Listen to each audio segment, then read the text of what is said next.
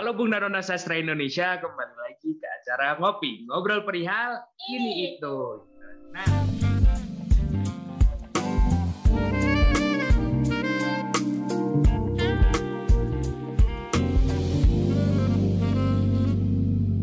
Sebelum berlanjut ke podcastnya, karena ada beberapa kendala saat recording, kita mau minta maaf dulu nih. Mungkin nanti selama podcast ada beberapa kalimat atau beberapa suara yang kurang jelas gitu. Tapi nggak apa-apa, bakal tetap asik kok. Jadi jangan lupa dengerin sampai habis ya. jadi kita di sini mau ngapain nih kita? kita eh, kita mau ngobrol-ngobrol sama salah satu Salah masih dua. oh iya salah dua masih sama orang-orang yang keren-keren juga ya. Masih kayak yang ya kemarin kan kita udah ngobrol-ngobrol sama salah satu dosen salah satu alumni sastra Indonesia Universitas Pajajaran yang kembali ke sastra Indonesia Universitas Pajajaran sebagai dosen. Nah kalau misalnya teman-teman ingat kemarin itu eh, Pak Baban ya sempat bilang kalau anak sastra Indonesia itu setelah keluar bisa jadi apa aja, bener nggak? Di situ sih aku langsung ngerasa ya makin tertarik sih ada di sastra Indonesia. Nah sekarang ini kita udah kedatangan alumni juga yang bergerak di bidang yang pokoknya keren banget deh. Kalian pasti nggak menduga. Yang ada di luar sastra ya tentunya kita ya. Bener. Kayak kemarin yang di Universitas Gabungan kan editor, penulis, Jurnalis. jurnalis gitu. Nah ini kita menilik apa ya? Dari segi mahasiswa sastra, alumni mahasiswa sastra yang eh, kerjanya itu melenceng dari bidang sastra.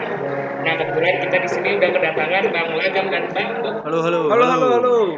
Boleh kenalin dulu nih Bang? Agam dulu. Aku. Saya Lagam. Sastra Indonesia 2015. 2015. Ya. Nah, saya bagus juga biasa dipanggil Bopung. Sastra Indonesia 2015. Sama, sekelas kita dulu. Kelas. Kelas dulu. Jadi bener ya kita ngundang berdua ya chemistry udah dapat. Iya, ya? iya, udah dong pasti. Sekelas, kosan, sekontrakan. Lumayan. Berarti udah temen deket banget nih kayaknya. Tapi dia lulus duluan. Oh gitu. Oh, Yes. kemarin baru sudah ya? Ya. Soalnya aing pinter. Gimana rasanya setelah menjadi mahasiswa eh alumni mahasiswa sastra Ya, menjadi Indonesia? sarjana. Iya, sarjana. Sarjana. Mana? Sebetulnya nggak jauh beda kali Pung ya. Karena karena eh, sebelum wisuda pun bahkan ya maksudnya bikin kita lama nggak lulus pun gara-gara udah kerja duluan gitu. Udah kerja duluan. Dulu sempat beberapa kali kerja bareng sama Bopung. Malah awal-awal kita kerjanya bareng terus. Bareng dari mulai dari mulai kamera, kamera base, terus dulu sempat bikin ngerjain apa pun lah kayak bikin audio juga, bikin Event-eventan band, juga bareng ya. event-eventan dulu bareng. Terus akhirnya 2000 berapa ya akhirnya udah mulai masing-masing, udah mulai kayak Bopung tetap ke event, gua akhirnya waktu itu di Gelanggang, gua di Gelanggang, terus akhirnya ketemu lagi pas Bopung bikin kafe di Bandung, bareng lagi. Gua ngurusin konten juga tuh di kontennya Bopung di di Melanger, di Melanger. Habis itu sekarang terus jadi ya jaga api terus lah. Nah, ini kan di di di luar gitu ya. Nah, kalau di dalam kampus sendiri, Bang, lu berdua tuh bareng-bareng juga gitu. Event, apa gitu. Kebanyakan sih iya juga ya. Iya sih. Iya juga sih kalau dihitung dari awal masuk tuh sebetulnya acara pertamanya apa sih? Cinta kembar ya? Nggak kembar, friend. Ya, Ah, teater ya. Teater. Kata Teater. Resital teater. Jati. oh Restal Jati. Ah, resital Jati Jati. nih. Nah, itu Res Jati berapa? 14. Eh, 14. 14. 14 kali ya? 14. 14. Eh, Iya, kita lama. Iya, 14. 14 kalau nggak 14 salah. 13-an, 14 Iya, 14, 13. 13. lupa. Resital bareng ini berdua. Resital Resital bareng. bareng. Jadi aktor. Enggak, gue sutradara dia Astrada. Gua Astrada. Wah, Aduh. udah tanggapan dari Udah awal. yang pasti deket banget. apa apa juga ya. Nah, ini kita eh, sebelum ngomong lebih jauh nih. Kan lu lama juga nih di di Sama di kampus. Enggak, maksudnya Emang lama banget udah, udah jadi alumni gitu kan ya udah udah melalui fase sebagai mahasiswa gitu jadi di kampus gitu sampai lulus kalau menurut eh, lu berdua nih bang budaya yang ada di Sasindo gitu. budaya budaya apa aja yang ada di Sasindo yang nggak lu lihat dari dari jurusan lain Wah, keren nih. Oh, jurusan lain ya? iya Kalau jurusan lain mungkin terlalu mungkin ini kali ya, karena kan kampus tuh transisi antara cukup banyak ya, cukup banyak hal. Kayak misalkan kehidupan SMA ke kehidupan kuliah, kehidupan seragam ke kehidupan yang lu bebas nggak pakai seragam. Dari kehidupan yang lu pulang dari pulang ke rumah ini kalau SMA, kalau kuliah lu pulang ke kosan. banyak banget transisinya tuh. Dan di masa transisi itu cukup banyak yang bikin gua kaget sih dengan sastra Indonesia. Cukup banyak yang bikin anjing kayak gini ya. Ketika gua ngelihat ada kakak tingkat gue yang gondrong banget gini kumisan bajunya lusuh gitu kan tasnya gede jalan lewat doang gitu. Anjing ini siapa? Anjing ini siapa? Tapi ternyata ketika gue ngobrol pinternya gak ada dua anjing. Terus dia jago juga di sastra ya di pengajaran sastranya gitu. Dan bahkan hal-hal itu yang ngebuat gue akhirnya oh ternyata stereotip yang udah nempel sejak SMA atau kehidupan sebelumnya tuh sekarang tuh nggak bisa nih dipakai lagi. Jadi banyak hal baru yang akhirnya gue temuin gitu. Gue penanggalan atas stereotip tuh belajar banget di kampus sih di sastra Indonesia. Ya kan? Karena dulu kita lihat maksudnya gue besar di Bandung keluarga PNS ya dari kecil anak guru gitu gue dari SMP SMA anak guru. Pasti ada kan kayak doktrin kalau yang tatoan tuh nggak bener kalau yang ngerokok tuh gimana gitu harusnya rapi. Nah itu tuh terbantahkan sejak SMA dan makin terbantahkan dari kuliah. Nggak juga kita nggak bisa ngelihat orang ternyata dari gitu doang kan. Terus ngobrol dulu untuk kenal lebih dalam. Ya no judging lah gitu Berarti style cukup ini ya bikin Bung Laga merasa gini banget sih dari Iya. stigma-stigma yang dulu kelihatan kata orang itu nggak baik. Iya. Tapi ketika di Indonesia yes ketemu kebenaran baru adaptasi nggak bang oh kadit sih dari SMA nih kan yang Hmm. lu anak guru apa Hmm. atau yang rapi-rapi aja Hah. terus ketika lu masuk sastra banyak nih yang yang yang gokil-gokil lah ya untungnya nggak terlalu kaget cuma makin seru aja karena ma- SMA tuh udah eh gue kelar dari kehidupan anak guru SMA kelar tuh. SD SMP anak guru SMA kelar. Jadi di masa itu udah mulai kenalan ini itulah. Kuliah makin seru lagi. Jadi adaptasinya nggak terlalu susah. Kalau dari gue sendiri sebetulnya apa yang beda tuh? Dari visual aja sebetulnya udah beda banget di sastra gitu ya. Tapi eh, ada yang akhirnya kenapa gue cocok dan kayak maksudnya lama juga di kampus ya karena eh, ternyata gue nemuin satu lingkungan yang memang akhirnya pas gitu sama kondisi orang sebelumnya gitu kan.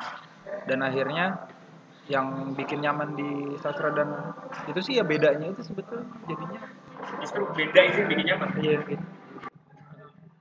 Tapi waktu kuliah dulu pernah ngalamin budaya-budaya yang luput nggak sih? Kayak misalnya perpeloncoan atau kayak yang kayak kayak yang kating-kating yang gimana gitu nggak di sastra Indo? tiba-tiba nih bisa lagi di atep nongkrong cuman ngeliatin kayak eh lu apa lu makan enggak sih. Oh iya soalnya kita bicara ini ke orang-orang yang nggak tahu ya. Soalnya Iya. lo, lo berdua juga kan udah pada tahu sebetulnya. Iya. eh enggak ya? Kalian belum sempat kuliah offline ya? Oh iya bener ya. Oh iya. kita iya tahu juga Bang. tongkrongan Bener, bener. aja. Dari YouTube juga kita nyari-nyari sendiri. Sedih nggak sih bang? Ya, Anjing, keren sih berarti ini, bener juga ya. nongkrong- mau nongkrong aja harus lihat YouTube biar tahu tongkrongan iya sih sedih iya iya iya. Tapi itu yang kita lihat dari ya maksudnya konten kayak gini akhirnya kita lebih kenal tongkrongan mereka. Iya. Banyak sih ya bener-bener. Enggak sih kita nggak pernah ngerasain hal itu ya. Tapi lu udah tahu atep? Tahu atep. Hmm. Ya, jadi kita mulai dari kantin itu boleh. di sastra. Boleh banget. Ada tiga umumnya. Ya eh ada tiga. dari kemarin kita belum Oh iya, boleh boleh. karena kantin itu berpengaruh besar terhadap tongkrongan boleh banget. Dan iya pengaruhnya juga nggak cuma tongkrongan ke pribadi masing-masing juga ngaruh banget. ngaruh banget. Siapa yang nongkrong di situ ngaruh banget kan? Gimana? Boleh ini ya mungkin dari tapi secara dari- umum. ini ini dulu nih tiga besar kan tuh kantin kan dari yang paling bawah dulu sampai nanti puncaknya. Nih Enggak tiga besar. Sebetulnya setara sih setara. sama aja. Mungkin kita mulai dari Sopot kali ya. Sekudo kali ya? Boleh. Kansas sih. Oh ya Kansas ya? Kansas Oh, iya, tuh rata-rata anak-anak Inggris ya nggak sih? Anak Inggris Jerman rata-rata ya dan Rata-rata ya. cakep-cakep sih. Ya Kansas cakep-cakep. Cakep sih. Bener sih bener bener. Bener. Kansas cakep-cakep. Tapi dia bukanya tuh dari pagi dan cuma sampai jam 5 ya? Pokoknya sampai kuliah sampai kuliah kelar. beres kuliah kelar. Di situ dia ada makanan. Ada makanan berat gitu maksudnya sama ada ya cemilan-cemilan ada rokok. Nah kalau perihal harga rokok ini Kansas yang paling mahal lah. Di antara tiga yang lain kalau perihal harga rokok. Terus akhirnya ada Sokudo Sokudo juga campur banget sih ke mana-mana banget. Eh Sokudo walaupun dia di Jepang ya maksudnya dia di- ada di daerah PSBJ. di lingkup PSBJ SWJ tapi kalau kita dulu justru eh, tiap beres makan eh apa istirahat siang pasti di Sokudo ya? Pasti di Sukedo pasti di Sokudo sih Sokudo karena itu biasanya dipakai organisasi-organisasi BEM biasanya tuh. BM kumpul-kumpul tuh di situ karena areanya juga gede Dan ya. ada makanan berat juga, Gal. makanan berat. Makanan berat. areanya gede. Terus juga nah kalau Kansas gue belum pernah ngutang tuh Gak pernah kalau Sokudo tuh bisa diutangin masalah harga Jauh. untuk masalah harga Sokudo murah sih ya oke lah ya standar lah. Standar lah ya. Standar. Standar tapi lebih murah dibanding kantin-kantin lain mungkin. Iya, kalau Atep tuh harga murah sih. Murah banget. Atep murah. Atep paling murah tuh. Paling Pokok berarti paling banyak di keteng. Kalau Atep paling, banyak, ketengan. Oh, utangnya juga gede kalau di Atep. Kalau di Sogodo ada makanan. Jadi Atep tuh salah satu nama orangnya kan, tapi Iya. sebetulnya dia tuh Pakilun. Pakilun. Kalau nama kantinnya pedagang kaki lima unpad. Jadi jajanan-jajanan kaki lima yang lu dapetin di situ, mie ayam yang masih ada gerobaknya, batagor, kayak gitu-gitulah. Kayak gitu-gitu. Kalau Sokudo ya itu udah prasmanan lah. Dia makanan beratnya prasmanan. yang Emang kantin lah itu mah. dosen tuh rata-rata makan siangnya di situ. Iya. Dosen rata-rata makan siang di situ. Jadi kebayang kan akhirnya sebaur apa tuh? Se ah, sekompleks apa kan, macam-macam banget kalau di situ. Pokoknya kalau gue lihat dari luar nggak terlalu gede ya sih. Gede banget tau kalau Gede, Shokudo. Luar. Hitungannya gede sih. Kalau kalian paling suka nongkrong di mana? Beda ini sih beda beda beda, Beda sih. Paling sering sih. mungkin ya. Kalau paling sering ya. Tapi kalau paling rutin kayak di Sokudo. Ya, kalau Tapi kalau di Atep juga sabi sih, seru tuh. Jadi sebetulnya kalau gue tuh ada fase-fasenya gitu. Nah, Jadi untuk mungkin awal-awal kita jarang banget ke kantin malah awal-awal. Eh, awal-awal tuh sering banget ke Atep. ya, Maba tuh sering buat ke Atep. Heeh. Karena mungkin di sana kita bisa ber- bisa baur sama abang-abangannya keren-keren abang-abangannya. sih. Iya, abang-abangannya keren-keren. Soalnya. kayak senior-seniornya keren-keren. Maksudnya terkumpul dari orang-orang yang memang ger- gerak terus. Orang-orang yang selalu gerak. Banyak acara gitu yang lahirnya tuh dari Atep. Makanya gue kalau misalkan di Atep tuh melihat nyastra banget mah di Heeh. di Atep deh gitu. Terus kita agak udah agak semester ke berapa abis itu tuh fasenya pulang terus ke kosan main gitu. Iya, kosan. kosan. Terus baru di akhir-akhir tuh kita ke Sekudo biasanya udah-udah fase ke akhir pengen ke kampus gitu.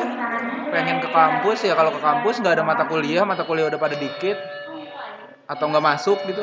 Ya pasti ke Sekudo. Hmm, karena Sokodo kan duduknya juga kan lebih ini ya, bisa lebih agak banakan gitu. Areanya juga. Terus depan Sokodo paling kita di lorong ya biasanya. Di lorong. Di lorong saking udah penuhnya tuh Sokodo. Pindah Jadi pada makan itu di pelipir-pelipirnya. Pada makan di pinggir di pinggir-pinggirnya tuh. Pinggiran-pinggirannya. Nah itu kan tadi kalau kalau yang tadi itu kan tempat makan nih, tempat nongkrong, makan nongkrong paling nggak lama kali ya kalau di situ ya. Nah, Kalau kalau yang areal kampus nih, yang sering dijadiin tempat nongkrong, Apaan ya? Paling makan siang. PTK. Enggak kalau misalkan anak saat gelanggang paling gelanggang ya. Sih? Ada gelanggang ada body, Pre. Eh, iya gelanggang body. Sama body. Di apa tuh? Jadi Oh ini juga pentingnya dibahas ya body. ini tongkrongan apa ya? Tongkrongan setelah jam kuliah lah. Jadi di sastra atau di FIB ini tuh nongkrong bukan jam kuliah doang kan. So kalau di jam kuliahnya kita jarang nongkrong. Maksudnya jarang nongkrong karena udah mulai masuk semester 3 4 5 6 7 8. 3 4 5 6 itu tuh udah mulai masuk organisasi, udah mulai ya maksudnya bopung di BEM, gue juga di gelanggang gitu. Jadi udah seringnya banyaknya kalau di jam kuliahan ngobrolnya paling rapat atau meeting-meeting gitu.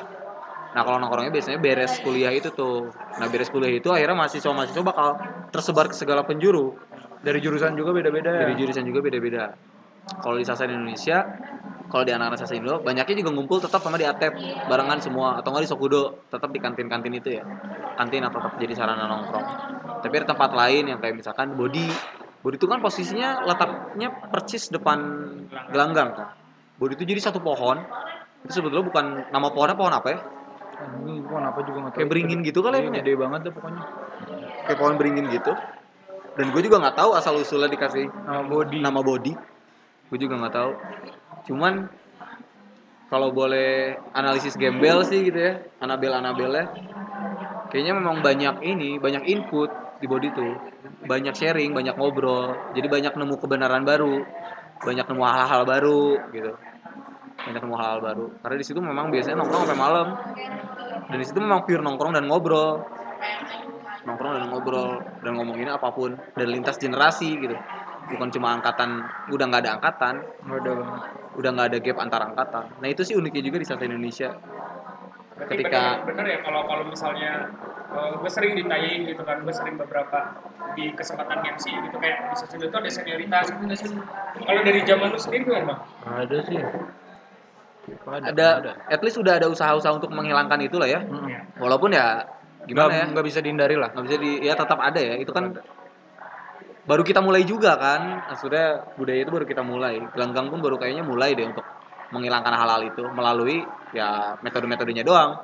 Kayak misalkan dulu ada metode ospek atau perpeloncoan gitu akhirnya metodenya diubah jadi lebih ke futsal. Ya. waktu gue 2015 pertama masuk tuh mabim atau ospek jurusan itu futsal main teater manggung. Ketika jurusan-jurusan sebelah tuh kayak masuk push up Iya, gue tuh sempet ya kita lagi ada acara musik. Di belakang tuh ada teriak-teriak. ada yang teriak-teriak dimarah-marahin ya sementara jurusan lain atau fakultas lain tuh masih gitu gitu. Kita main futsal. Main futsal at least aku rasa ya walaupun itu mungkin tidak menghilangkan sepenuhnya si Iya. senioritas tapi udah ada at least metode-metode untuk menghilangkan itu gitu. Mereduksi itulah. Dan itu yang aku salut banget sih dengan gelanggang Dan makin ke depannya makin hilang lagi, makin makin hilang. Makin Dengan hilang. Cara itu jadi lebih gampang untuk membaur ya. Heeh. Karena kan titik utamanya gue rasa di Mabim ya sebetulnya Iya. Mabim ya. Dulu juga 2016 berarti kita ngurus Mabim. Waktu 2016 kita ngurus Mabim. Akhirnya kita kok jadi ngeblank sih? Si Maim lewat lagi. Waktu kita ngurus Mabim, gua sama Bopung salah satunya gitu yang akhirnya ngerumusin gimana ya Mabim untuk angkatan 2016 gitu. Karena kita ngelihat bagaimana eh, anak-anak gelanggang nge-treat kita waktu 2015, akhirnya kita juga pakai cara itu gitu. Bahwa kita coba untuk eh, penanggalan stereotip gitu. Jadi usaha kita tuh untuk mahasiswa-mahasiswa baru bahwa stereotip lu di Bandung, di kota-kota lu sebelumnya atau di SMA itu ditanggalin dulu nih. Sekarang kita bakal nemu. Jadi maksudnya lu jangan kasih tembok gitu. Lu datang dengan gelas kosong yuk, terima semuanya gitu. Telan semuanya, lu rasain dulu. Baru era lu punya alasan untuk apakah lu bakal pilih atau enggak, apakah lu bakal pakai atau enggak, atau enggak apakah lu bakal setuju atau tidak at least lu harus open mind terhadap semuanya gitu nah itu yang pengen kita coba terapin 2016 saat itu 2016 musiknya udah dulu. Udah. Budaya Bung dan Bung dan Nona berarti udah dari dulu. Oh, enggak itu ya. nah itu tuh di angkatan Angkatan kita ini Nah, menarik nih. nah itu tuh Gimana tuh rumusnya kenapa? Bung dan Nona tuh akhirnya kita pakai Bung dan Nona. sebagai sapaan Gimana kan gimana tuh Bung? Bung dan Gimana Nona sih? Pokoknya gara-gara kita maksudnya Di saat jurusan Pengen lain se- manggil akang teteh ah, sebetulnya tuh kita pengen banget dipanggil nama gitu ya. ya sebetulnya itu ada justru Kang Teteh, ada Kang Teteh gitu. Bung dan Nona itu akhirnya hanya sebagai pengganti nomenklatur dari kegiatan Mabim ya. Karena kan kita board dengan Akang Tete gitu ya atau enggak ya kayak ke sana atas bawah gitu ya ke sana atas bawah akhirnya kita coba untuk menyamaratain itu sih kita mulai pertama dari nomenklatur Bung atau Nona jadi at least kalau lu nggak kenal kita bisa panggil Bung atau enggak panggil Nona tapi kalau udah kenal Nama aja. nama aja gitu karena beberapa orang dan banyak yang bahkan nggak keberatan karena kan kita Kayaknya kan nggak ada yang perasaan, keberatan juga sih. "Iya, nggak enak nih kalau manggil nama kita nggak enak Kayak tapal umur. Nah, akhirnya gara-gara geografis kita panggil dia Kang gitu kan kalau di Iya. sini walaupun sebetulnya ada panggilan-panggilan lain yang cukup apa ya sama rata lah misalkan kayak Mang gitu Mang juga Enggak juga sih. Nggak juga sih ya. Saat Mana, itu Bos? akhirnya coba Bung sama Non Bung sama Non akhirnya cobain diterapin di angkatan 2016 dan akhirnya ya itu pun nggak jadi jalan pintas untuk akhirnya kita bisa sama rata bukan jalan pintas tetap selanjutnya adalah gimana kitanya gimana merekanya juga gitu. Ya percuma pakai pakai panggilan Bung dan Nona tapi eksekusinya Iya. Juga ya. karena tadi eh, ngobrolnya tuh udah bareng sama mungkin sama kating kating terus juga dari mama juga banyak juga bareng. Untuk mencari relasi tuh mungkin saya di sastra Indo dan dan sekarang juga udah kelihatan. Kak Bopung sama Kak Legam juga udah kerja bareng. Ada nggak sih kayak eh, mungkin tips gimana cara kita untuk membangun relasi? Karena kan kita sekarang pastinya online ya dan jarang ketemu. Bang Lagam juga bilang kan uh, udah mulai kerja, udah mulai sana sini sejak masa kuliah udah sejak kuliah. Punya tips and trick nggak? Mana tuh, Gom? sikat Bung mana pun sikat Bung Apa sih sebetulnya kalau dari orang sendiri sebetulnya nyari teman atau nyari relasi itu ter- berjalan dengan natural aja ya. Orang juga nggak nggak nggak inget malah kenapa bisa deket sama Lagam, kenapa bisa kenal sama Lagam dari awal. Misalkan Alvan, Upil, Hmm. teman-teman yang lain juga alumni alumni 2015 yang deket sama kita tuh karena mungkin berjalannya emang senatural itu sih nah mungkin kalau lagi atas jam nama putih atas nama putih untuk sudah terima kasih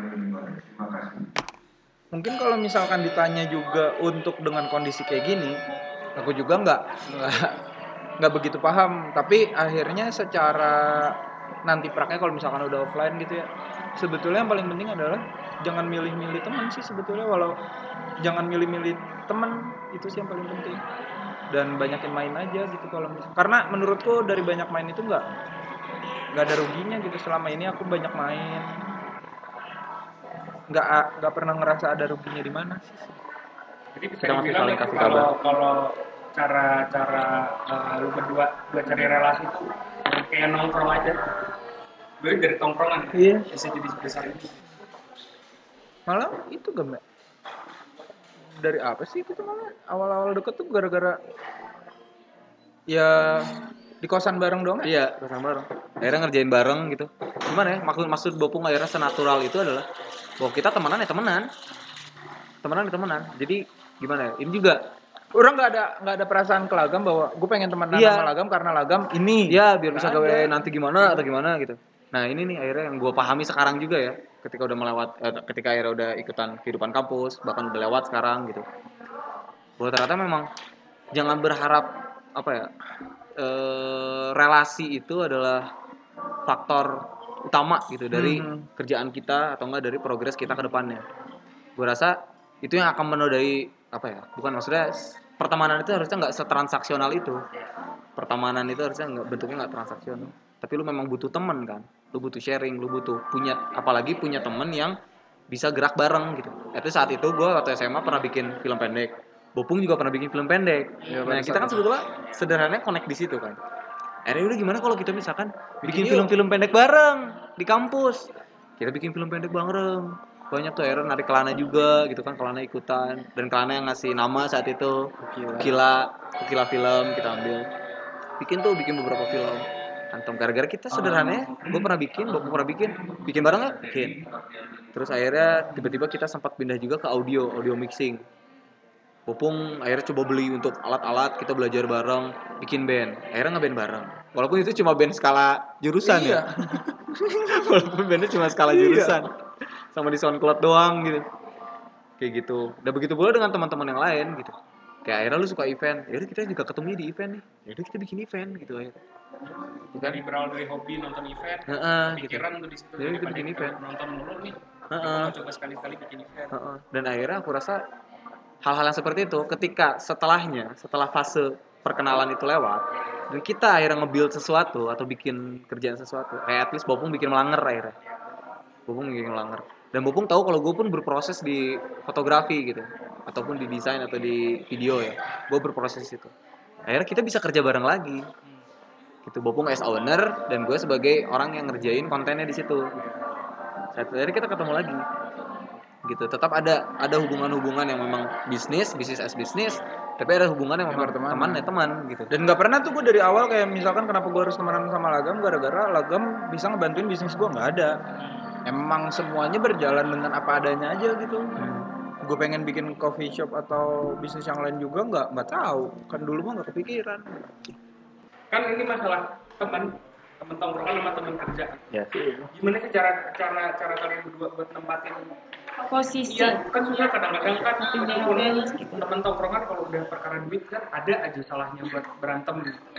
Nah, kayaknya kalian berdua nih akur-akur mulu nih kayaknya.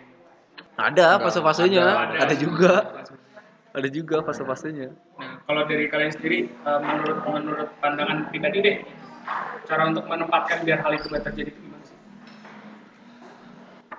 sulit sih tapi itu ya sulit sulit banget lah Itu sulit sulit banget sulit sih. Bahkan kita pun kemarin maksudnya sekontrakan bareng kuliah bareng sempet ada gontok-gontokannya. Masih ada. sempat ada kayak anjir gua nggak sepakat dia juga nggak sepakat tapi ini kita ngomongin tentang bahasan bisnis gitu ya. Nggak sepakat. Cuman itu tetap terobati ketika akhirnya kita pakai sudut pandang temen sih. Ini temen gue dari lama gitu loh. Maksudnya ada ada kayak kewajaran ya. Ada kayak kewajaran gitu. Heeh, gitu. Kadang ada oke tapi tetap diomongin gitu bahwa gue nggak suka ini nih gitu Sebe- pun nggak suka itu sebetulnya sih orang kalau misalkan gue sendiri gitu ya kalau misalkan ada misalkan kayak lagam gitu kalau ya kalau misalkan ada yang bener-bener masalah yang gede banget gitu misalkan dur kenapa ya udah gue tinggal nggak usah bisnis bareng dia tapi gue tetap temenan sama dia Iya. Itu simpelnya menyelamatkan ini ya, Iya. daripada udah Ya, simple as that. Ya. karena ya apa ya sebetulnya kerjaan sama kenapa akhirnya gue milih dia sebagai misalkan ya kalau misalkan gue jadi A kenapa gue harus milih dia sebagai B? Bukan karena dia teman gue gitu. ya karena dia punya kompatibel di situ dan misalkan lagam kenapa mau nerima gue ya karena ya udah emang emang di situ gitu. Emang Yes. dia dia cocok aja misalkan gitu. Bukan artinya akhirnya dia temen gue tapi ya gue harus dia gue pilih dia sebagai partner bisnis gue nggak juga. Itu sih yang harus dan itu pun harus kita terapkan sih justru bahwa pertemanan yang transaksional anjing. Enggak sih. Ngeri friend. Maksudnya lu kayak bangun untuk kerja jadinya tuh Iya. gitu. Bahkan lu temenan pun ada maksud gitu ya. Temenan ada maksud. Capek. Mungkin yang orang uh, anak-anak zaman Capek. sekarang agak miskonsep di situ kali kan banyak sekarang Ah. banyak teman banyak relasi untuk dunia kerja dan sebagainya bahkan kalian berdua awalnya dari tongkrongan itu enggak enggak iya dari tongkrong itu. Ya, padahal kalau dipikir-pikir kenapa nggak maneh bikin sebagai diri maneh relasi buat orang gitu. iya iya. Kenapa kita harus nyari relasi? relasi? Kalau misalkan pertemanan cuma sebatas itu gitu ya. itu sih benar miskonsep itu yang harus agak dilurusin. Tapi relasi dalam kerja jelas ada ya. Iya, relasi dalam kerja ada. jelas ada gitu. Dan itu pun ya Nah, itu pun gue lakukan mencari relasi untuk kebutuhan kerja. Itu pun gue lakukan. Tapi jangan lupa bahwa lu hidup bukan buat kerja doang ya kan? Justru lebih banyak tiga perempat atau bahkan lebih gitu waktu hidup lu sehari itu bukan buat kerja kan seharusnya. Ya kan? Ada kebutuhan-kebutuhan yang lebih religius antara kita horizontal vertikal. Nah kan tadi kita udah nyebutin eh, Kalagam sama Kabopung. Pernah produksi film? Pernah, musik? Pernah, sekarang di kafe juga. Sebenarnya sekarang kalau Kabopung sama Kalagam kerja pastinya apa sih kalau boleh? iya sibuk mulu tapi Sibuk kayak. kerjanya apa gitu. Apa kalau lah Iya sih bener sih. Gue tuh nggak ada in house di mana-mana nih. Jadi gue mengerjakan kerjaan-kerjaan freelance. Freelance, tapi masih nyambung sama sastra nggak? Em, linear mungkin enggak ya. Linear enggak ya. Cuman apa-apa yang gue pelajari di kampus dan di sastra itu tetap dipakai sekarang. At least gitu lah. Jadi nggak ada yang sia-sia gitu. Ada yang sia-sia. Bahkan yang maksudnya cara mikir gue ngelihat objek ketika motret gitu. Ya bentuk-bentuk di sastra dulu ketika mempertanyakan banyak hal itu tuh sedikit banyak mempengaruhi kan. Sedikit banyak mempengaruhi. Nah, hal itu sih. jadi sekarang bergerak di bidang Oh iya ya. Em, apa ya? Konten kali ya? media Konten kreatif ya? Media kreatif lah ya. Gue fotografer juga. Gue mau, gue maksudnya gue mau ngambil kerjaan motret juga, ambil kerjaan desain juga beberapa, ambil kerjaan video juga. Ya pokoknya di hal-hal lingkup itulah. Kalau nulis-nulis gitu Nulis masih nulis nggak? nulis caption kali ya? Caption. caption nulis caption kan? Tapi waktu kuliah fokusnya ke apa? Puisi, cerpen atau apa? Nah, Nggak adalah- ada. Kami adalah anak sastra yang tidak begitu intu. Enggak ada. lu ambil sastra apa linguistik Sastra. lu sastra juga Nah, kalau itu baru gue gara-gara temen kalau itu. Terjebak. Temen gue banyaknya di sastra, yaudah kita di Sastra sastra. kan mungkin mikir lebih gampang Karena kita lihat peluang juga kan kalau misalkan linguistik. Wah, cepet nih lulus ketinggalannya gampang nih. Tapi menurut kita kuliah tuh nggak ada yang gampang, nggak ada yang susah. Ada. Semuanya sama-sama susah. Cuman kita aja yang ngejelas Semuanya ngejalaninnya. susah, iya. Semuanya karena kita Iya sih, kita jarang belajar. Jarang sih. belajar. Jangan Aduh. jarang belajar, nggak pernah belajar. tapi tapi sebetulnya itu tuh yang bisa di apa ya? Bisa jadi nilai plus di sastra gitu ya maksudnya. Akhirnya orang banyak belajar bukan di dalam kelasnya gitu, tapi akhirnya di, di dalam kelas banyak banget Iya. walaupun Nama dosen kadang lupa. kadang lupa. Nama Nama teman sekelas lupa. Tapi memang di luarnya sebetulnya banyak kita belajar ya banyak lah kayak tadi di body, disinggung terus di gelanggang, kayak gitu-gitu sih. Jadi nggak tahu kita nggak pernah menentukan bahwa itu belajar atau enggak Iya, sebetulnya. iya, iya, iya. Jadi kalau tadi bahasannya ke akademik, aduh agak bingung. Jawabnya sorry ya. dari tadi kita nggak ini akademik ya Enggak, enggak, jangan. tapi juga begitu maksudnya Belum kali baru kayak mulai. ya, semester berapa berarti sekarang? Tiga. Tiga ya.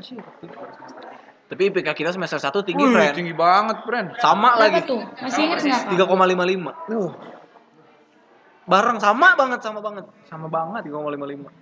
Wah, chemistry-nya udah dapet banget. Ke depannya ini. terus konsisten tuh, turun.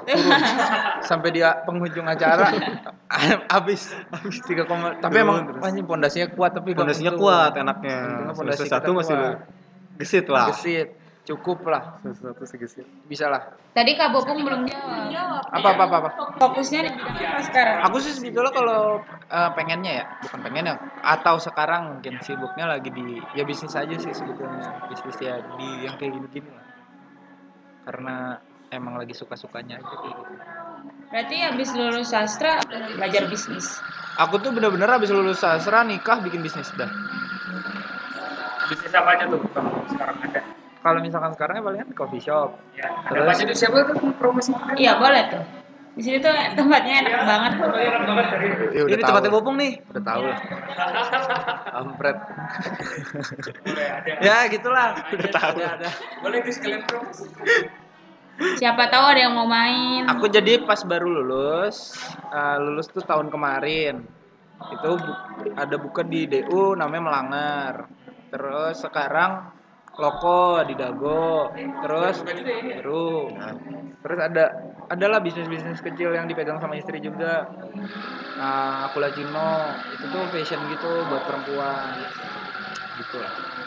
Keberanian dari mana sih kakak-kakak ini habis dari sastra lompatnya ke yang lain-lain? Kalau orang lulus sastra tuh udah udah kalau dulu gue nih bang ya ketika gue masuk sastra tuh yang tertanam di pikiran gue lu jadi jurnalis lu jadi ini nah kenapa nih ya apa yang bikin kalian berdua akhirnya berani untuk belok masih Iya keluar gitu. kalau gue sih gue nangkalin dari awal gitu.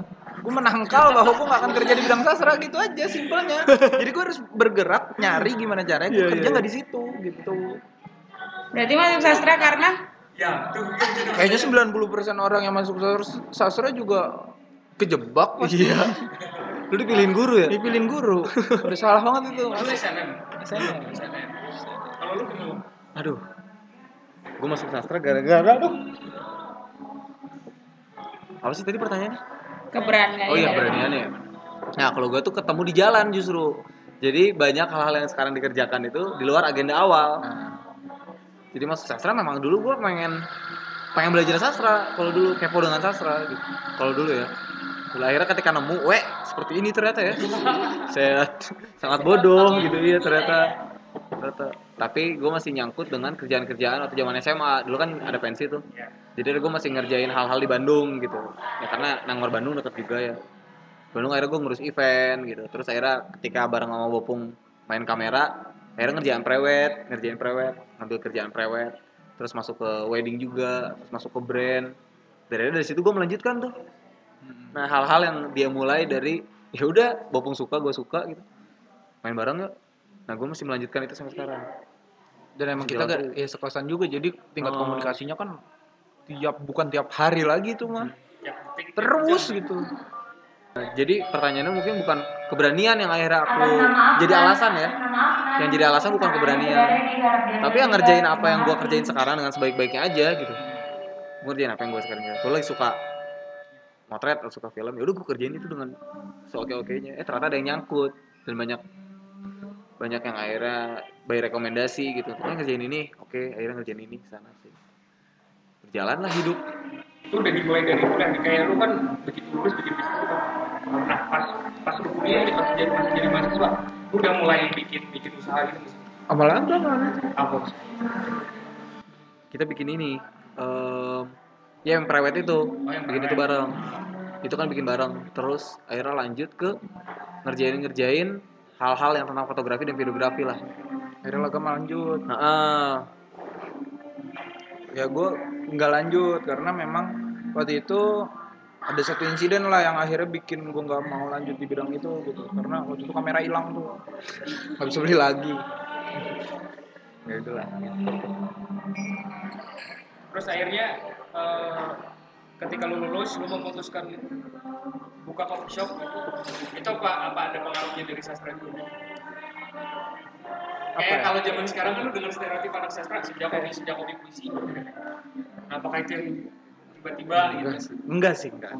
Tapi memang akhirnya banyak eh, apa ya gue tuh bikin eh, bikin hal yang sekarang gue lakukan karena memang dari sebelum-sebelumnya mungkin ada pengaruh gitu. Kayak misalkan ya orang tua gue orang eh, bisnis dan lain-lain lah yang kayak gitu-gitu. Tapi kalau misalkan dari kampus itu sendiri sebetulnya bukan akhirnya coffee shop ini dibikin karena gue lulusan sastra enggak. Tapi akhirnya di sastra itu kebentuknya akhirnya gue bisa tahu oh eh, banyak lah akhirnya lulusan-lulusan atau teman-teman gue pas zaman sastra tuh bergunanya sekarang-sekarang gitu kayak misalkan gak cuma jadi temen dong ih kayaknya dia sekarang geraknya di ini deh. Ya udah gue minta tolong dia nih masih ada pengaruh tongkrongan itu balik lagi ya. Masih tetap kepake sampai pengaruh sampai banget sih. sekarang. Kayaknya gue yang paling berpengaruh dari kuliah gue selama lima tahun ini tuh tongkrongan sih. tuh berarti jangan sampai lupa nongkrong bareng-bareng ya. Kalau misalnya kalian udah masuk ke sastra Indonesia udah main ke Nangor jangan lupa kita nongkrong bareng. Atau mungkin bisa di sini bisa kalian di Bandung saya ketemu sama teman-teman di Nova di DH sama Melangar tuh deket di Unpad ya betul Ya. Ya. Nah, terus nih eh, kan dari tadi kita udah ngebahas dunia tongkrongan-tongkrongan. Gue pengen sedikit ngebahas ke bukan akademik sih, tapi lebih ke pengalaman-pengalaman lucu waktu di kelas. Wih, Yang paling kalian inget apa tuh, friend? apa anjir Kan kalian sekelas juga nih. kelas Nah, sih sekelas juga. Siapa tahu punya momen lucu bareng gitu pas lagi di kelas. kalian apa nggak sih Gua. gua Apa, Bung? hari Kamis check up Hari Kamis check up. Oh iya iya. Aduh, gue lupa tapi Bung ceritanya, itu, Bung. itu matkul apa ya matkul apa ya ibu-ibu Heeh, linguistik eh ini leksiko. Eh Leks- bukan. Sintaksis. Eh, sintaksis, sin- sintaksis. Sintaksis. Itu almarhum, almarhum. Bu Eni. Bu Eni ah, iya iya iya Iya, almarhum. nih. Nah. Bopung mana? Ya kan nggak ada nggak ada di kelas nih dia nih. Bopung mana? Eh enggak, gimana sih ceritanya? Gua di kelas. Oh, lu di kelas. Terus ditanya. ditanya ini kamu kok setiap pelajaran saya nggak pernah masuk Iya, nah itu. terus gue bilang iya bu saya setiap hari Kamis soalnya check up check up gigi gue bilang padahal mata kuliahnya hari Selasa terus ketahuan Enggak, enggak tahu. Iya, enggak ketahuan ya, ya Gam ya? Ya pokoknya kita aduh gitu lah jadi ketawa aja gitu. Enggak Enggak ketahuan. enggak ketahuan kayaknya deh. Enggak. Atau enggak lu ada alasan yang lain deh kayaknya. Enggak, gue tuh enggak ketahuan mungkin karena gue ngomongnya yakin. Gue yakin. Ada juga nih, friend, yang ini yang apa lagi? mata kuliah wacana. Sekelompok. Sekelompok. Oh, goblok. Entah kenapa nih pembagian kelompok bisa kita selalu aduh Pasti- paling pasti terakhir lah. Udah deh, ya udah deh, udah seginian aja udah. Gue bopung bagian kelompok. Akhirnya sekelompok kita. Mata kuliah wacana. Terus kita disuruh bikin presentasi kan. Eh disuruh bikin materi yang akhirnya dipresentasiin lah. Terus satu satu proposal kita kasih ke si ibu kan, si ibu.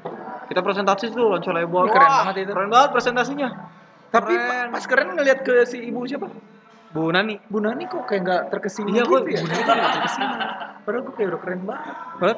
keren banget gitu lancar jawab pertanyaan lancar selesai lancar terus tiba-tiba akhirnya pas sudah beres Bu Nani bilang e, saya mau tanya ke kelompok kalian ini tugas betul kalian yang mengerjakan sendiri iya bu. Betul. Yakin yakin lah kita ngerjain sendiri.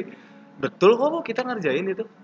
Oke karena saya melihat ini di kata pengantar dosen pengampunya masih dosen pengampu tahun kemarin. Jadi mata kuliah wacana tapi dosennya itu dosen yang lain bukan nama dia. Bukan nama dia. Terus nama kelompoknya. Nama kelompoknya. masih nama kelompok angkatan kemarin. Jadi kita ngopi angkatan kemarin buat tugas si wacana itu. Enggak kita ngopi angkatan lalu ketahuan banget iya masalahnya kita nggak ganti nama kelompoknya kita lupa Tapi nama di situ ada iblis satu. Ada satu iblis. yang editing yang editor Iya, ya yang iblis edit kita itu. nggak kecek sama kita Oke lanjut nih tadi tadi udah ada dua cerita lucu nih ada lagi apa? Lucu yang bos. Usir dosen kayak apa ada dosen yang peraturannya ini banget? atau sama teman waktu lagi kelas Oh, gue joki paling. Joki tugas ya? Joki uas. Ini. Beberapa kali tuh. Morfologi. Sama siapa? Roy. tiba-tiba namanya bagus bagus Rama Setiaji tapi orangnya bukan dia. Orangnya bukan dia datang tapi nggak ketahuan juga? Agak orang nggak dikenal juga sama dosen ya? Enggak Masih masuk. datang juga sama dosen. Dosen yang paling disuka atau Ya, yang paling favorit ada nggak? Siapa ya yang paling baik Atau atau tapi gue suka Panero sih.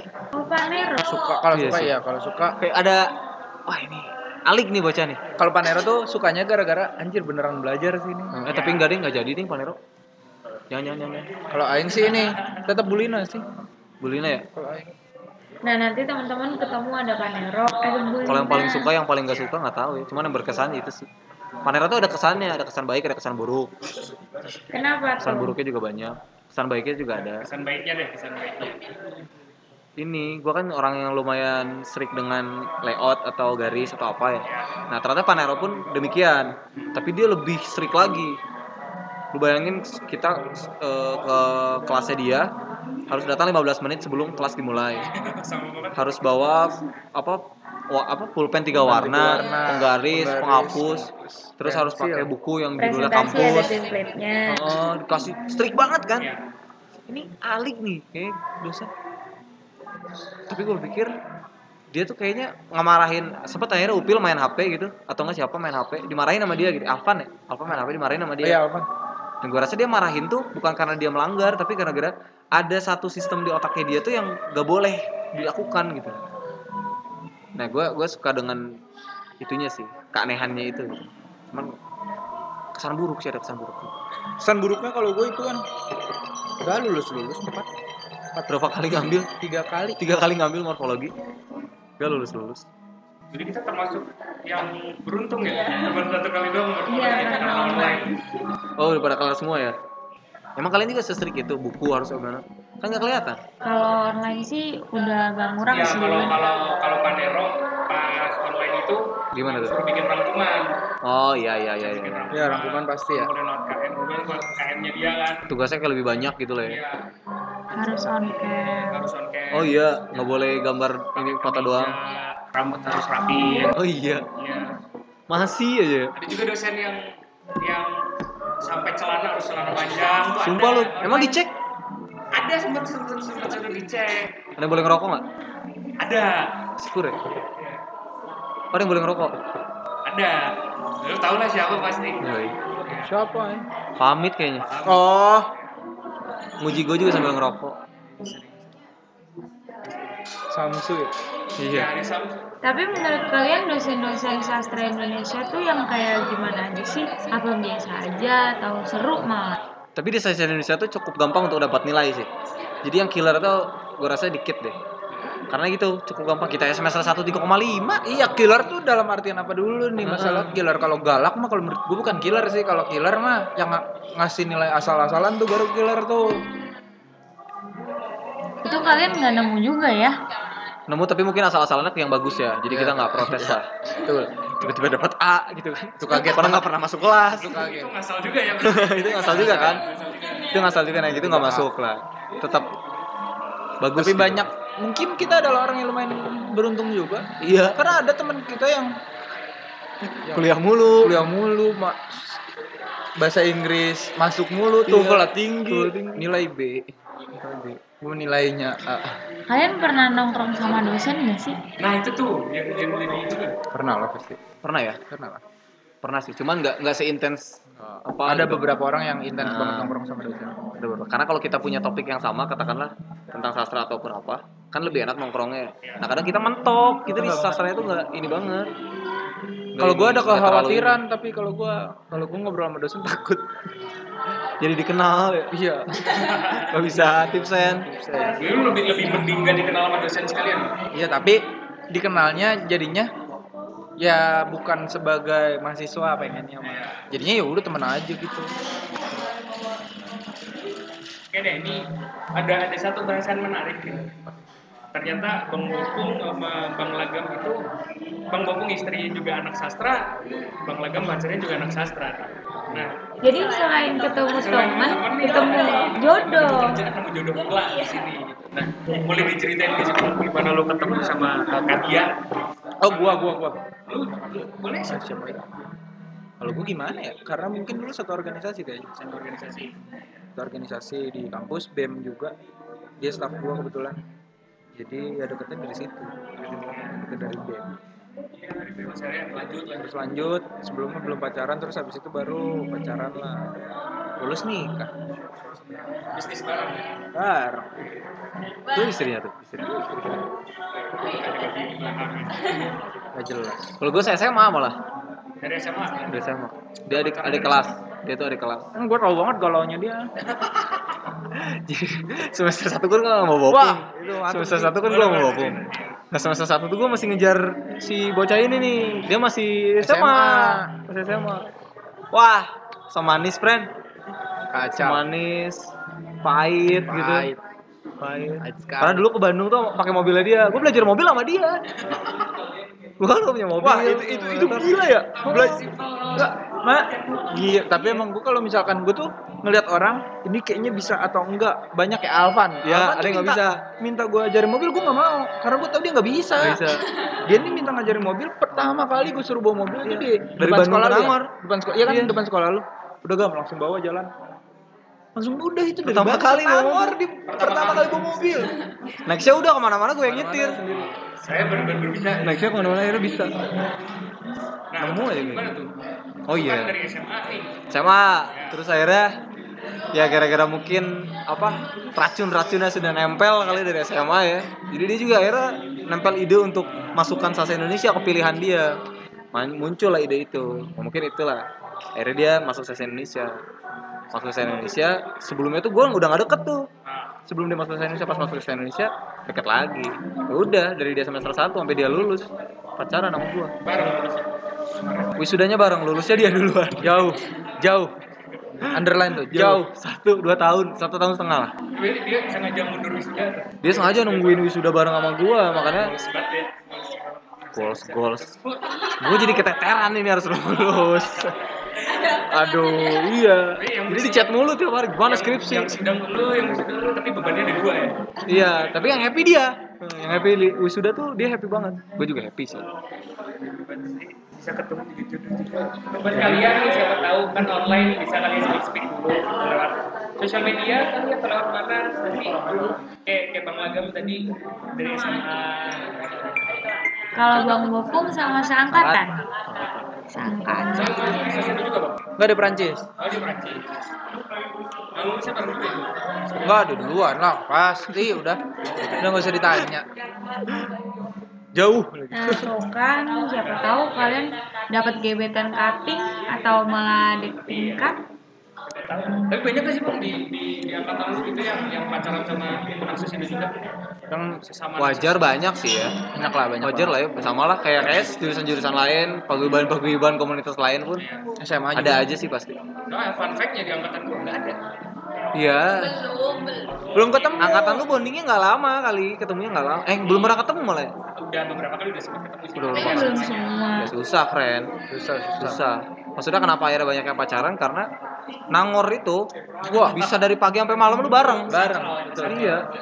Bisa sampai tidur bareng bisa jadi. bisa jadi.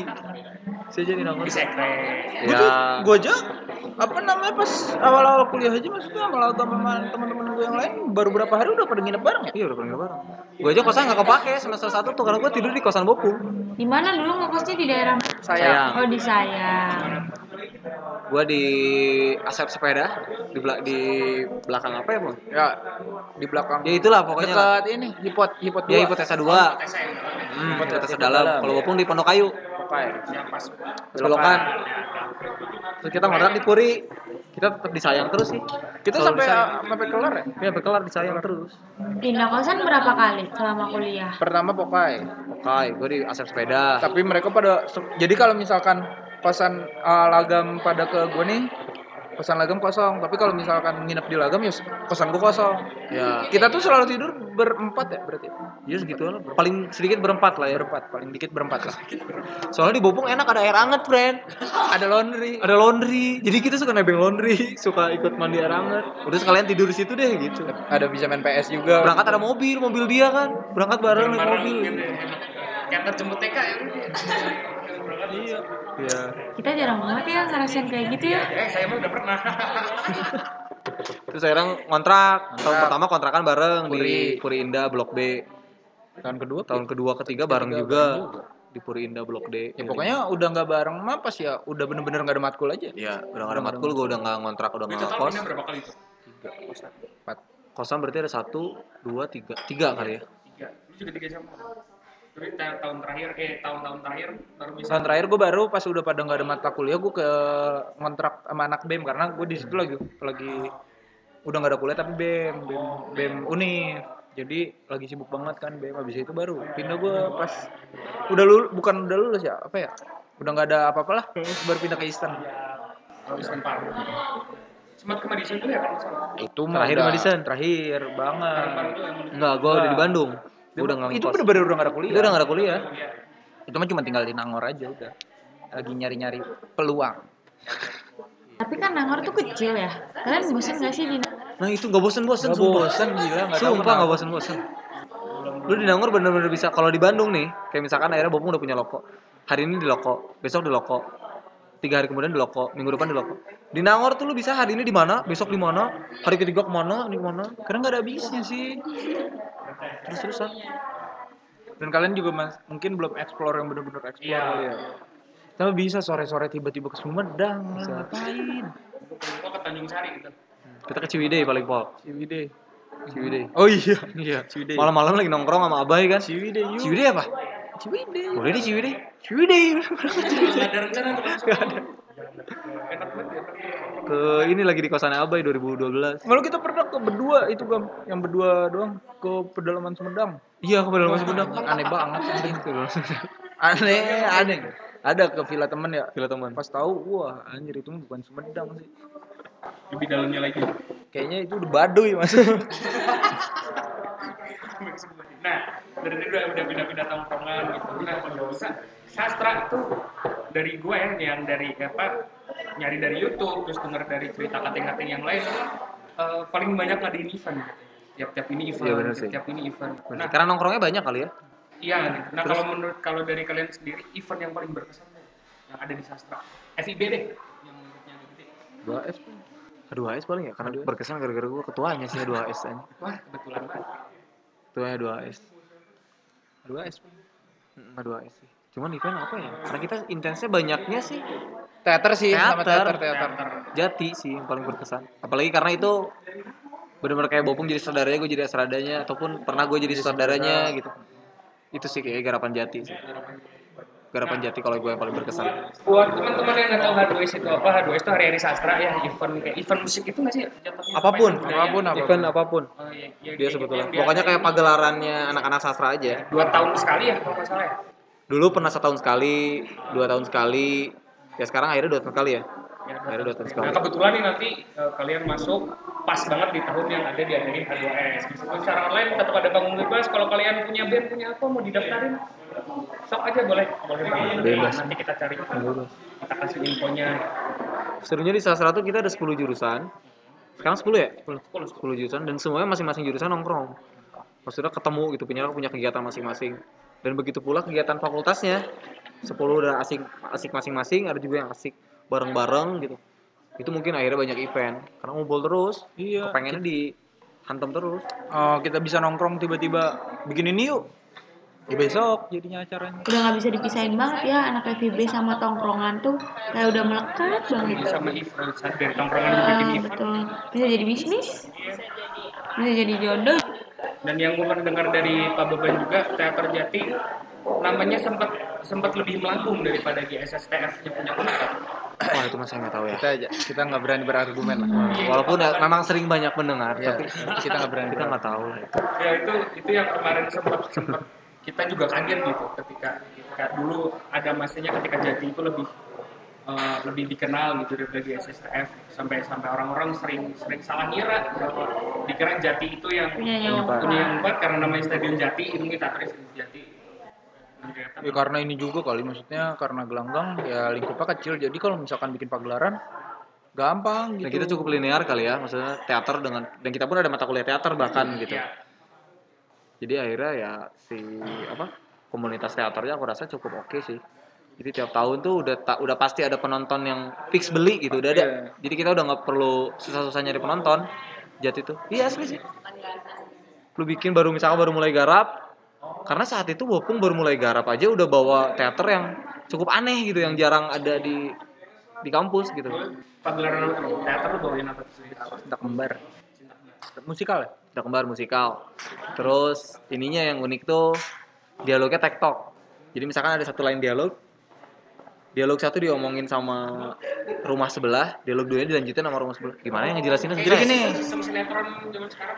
Jadi kayak sit sitkom misalkan ini rumah nih di tengahnya tuh kayak nggak ada batas tapi mereka tuh sebetulnya Beda rumah. beda rumah. Tapi dialognya terus sama gitu. Tapi dua hal yang berbeda yang dibahas dua nah, jadi kayak coba digabungin. Ah susah sih ada ngejelasinnya. dong ada videonya di YouTube. Ada ya? ada, Ada. yang Ada. kelana. Yang kelana. Oh gitu apa tuh judulnya cinta kembar Cinta Kembar. terjadi 2016 ya? Nah saat itu aja udah bikin penonton oke gitu kan. Jadi kayaknya itu yang terus terusan karena emang penonton akhirnya udah bisa. eksplorasi banyak juga maksudnya yang aneh-aneh jati sih. Oke, karena udah banyak banget tongkrongan dari berapa tadi? 2016 ya? banyak 15 generasi apa apa apa? Tongkrongannya 2000 berapa? 15 ke 15 2015, 16. Terus juga tadi udah ngobrolin tentang bisnis, tentang organisasi, sampai tentang ke apa tadi lagi ya banyak banget. hal-hal lucu Iya, hal-hal sampai- lucu. sampai ke kos-kosan Kos-kosan, dan daerah-daerah baru kan kalian pasti baru denger kan ada jalan namanya Sayang. Juga baru tahu dari, dari pas udah kenal jalan namanya saya nah ini eh, lu berangkat kan dari kedua dari organisasi lu pegang di BEM ya? Lu di BEM lu di Perhimpunan, nah. dari belakang. Terus mungkin lu ada pesan-pesan buat Teman-teman maba teman-teman Bung dan anak angkatan gue raih mimpimu. Seru banget nih. ya tips-tips lah gitu. Ketika di kuliah harus gimana? Apa ya Em, cobain semuanya sih kalau menurut gue ya. Yang lu pengen penasaran apa cobain sih. Maksudnya coba lakuin gitu coba gerakin apa yang pengen lu lakukan apa yang lu kepoin gitu apa yang jadi penasaran lu dapetin sih. Karena kampus tuh adalah ruang eksploratif banget. Maksudnya saatnya salah tuh di kampus. Jadi even akhirnya lu melakukan sesuatu gagal dan salah ya itu salahnya tuh di usia segitu di kampus. Jadi hantem terus daripada diem gitu sih. Karena akhirnya ya gerak itu yang mempertemukan gue dengan hal-hal yang lain. Ya katakanlah bisnis akhirnya dapat kerjaan ya bisa jadi dari hal itu pertamanya tuh.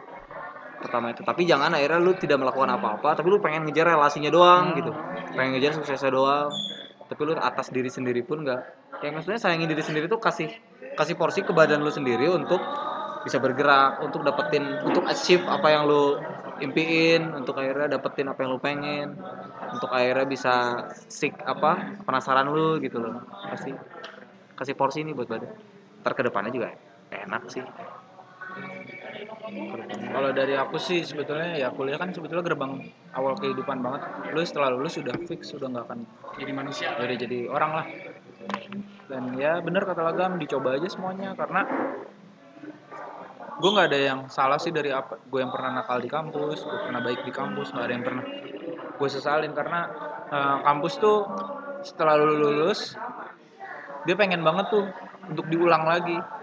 Gue pengen banget sebetulnya kalau misalkan akhirnya keadaan gue sama umur gue kondisi gue sama kayak waktu itu gue bakalan ngulang lagi gitu. Tapi kan akhirnya nggak bisa ya? Hmm. nah makanya sebetulnya ya kalau bisa jangan lama-lama kuliah. Yang secukupnya lah tapi pergunakan masa kampus tuh dengan sebaik-baiknya aja sebaik-baiknya bukan dengan cara yang baik ya tapi maksudnya dengan cara apa yang lo mau tuh wah Keren banget gak sih? Aku jadi makin kayak, ya aku mau explore terus nih. Karena kan ada banyak juga kan cara kita buat eh, meraih mimpi kita kan ada pengen cepet film. lulus juga tapi ya benar kata Mungku tadi pergunakan waktu yang ada. Sebaik-baiknya bukan hanya melakukan hal yang baik tapi apa yang pengen lu dapat gitu dari kampus itu sendiri Semoga kalian juga makin terinspirasi ya. Dan juga ketemu sama alumni-alumni yang keren-keren kayak gini. dan kalau anak-anak mau nongkrong boleh boleh boleh boleh boleh lah. Boleh boleh boleh datang juga nanti kalau misalnya Bang Gopung atau Bang Lagam lagi ke Jatinangor itu mungkin mau sharing-sharing ngajak ngobrol bareng. Boleh boleh aja. Atau sama kita atau sama Pak Bambang. Ada yang tiba-tiba datang tuh sharing-sharing. Oke kalau gitu. Makasih ya kak. Oke, okay, thank you, thank you, thank you. Sama-sama.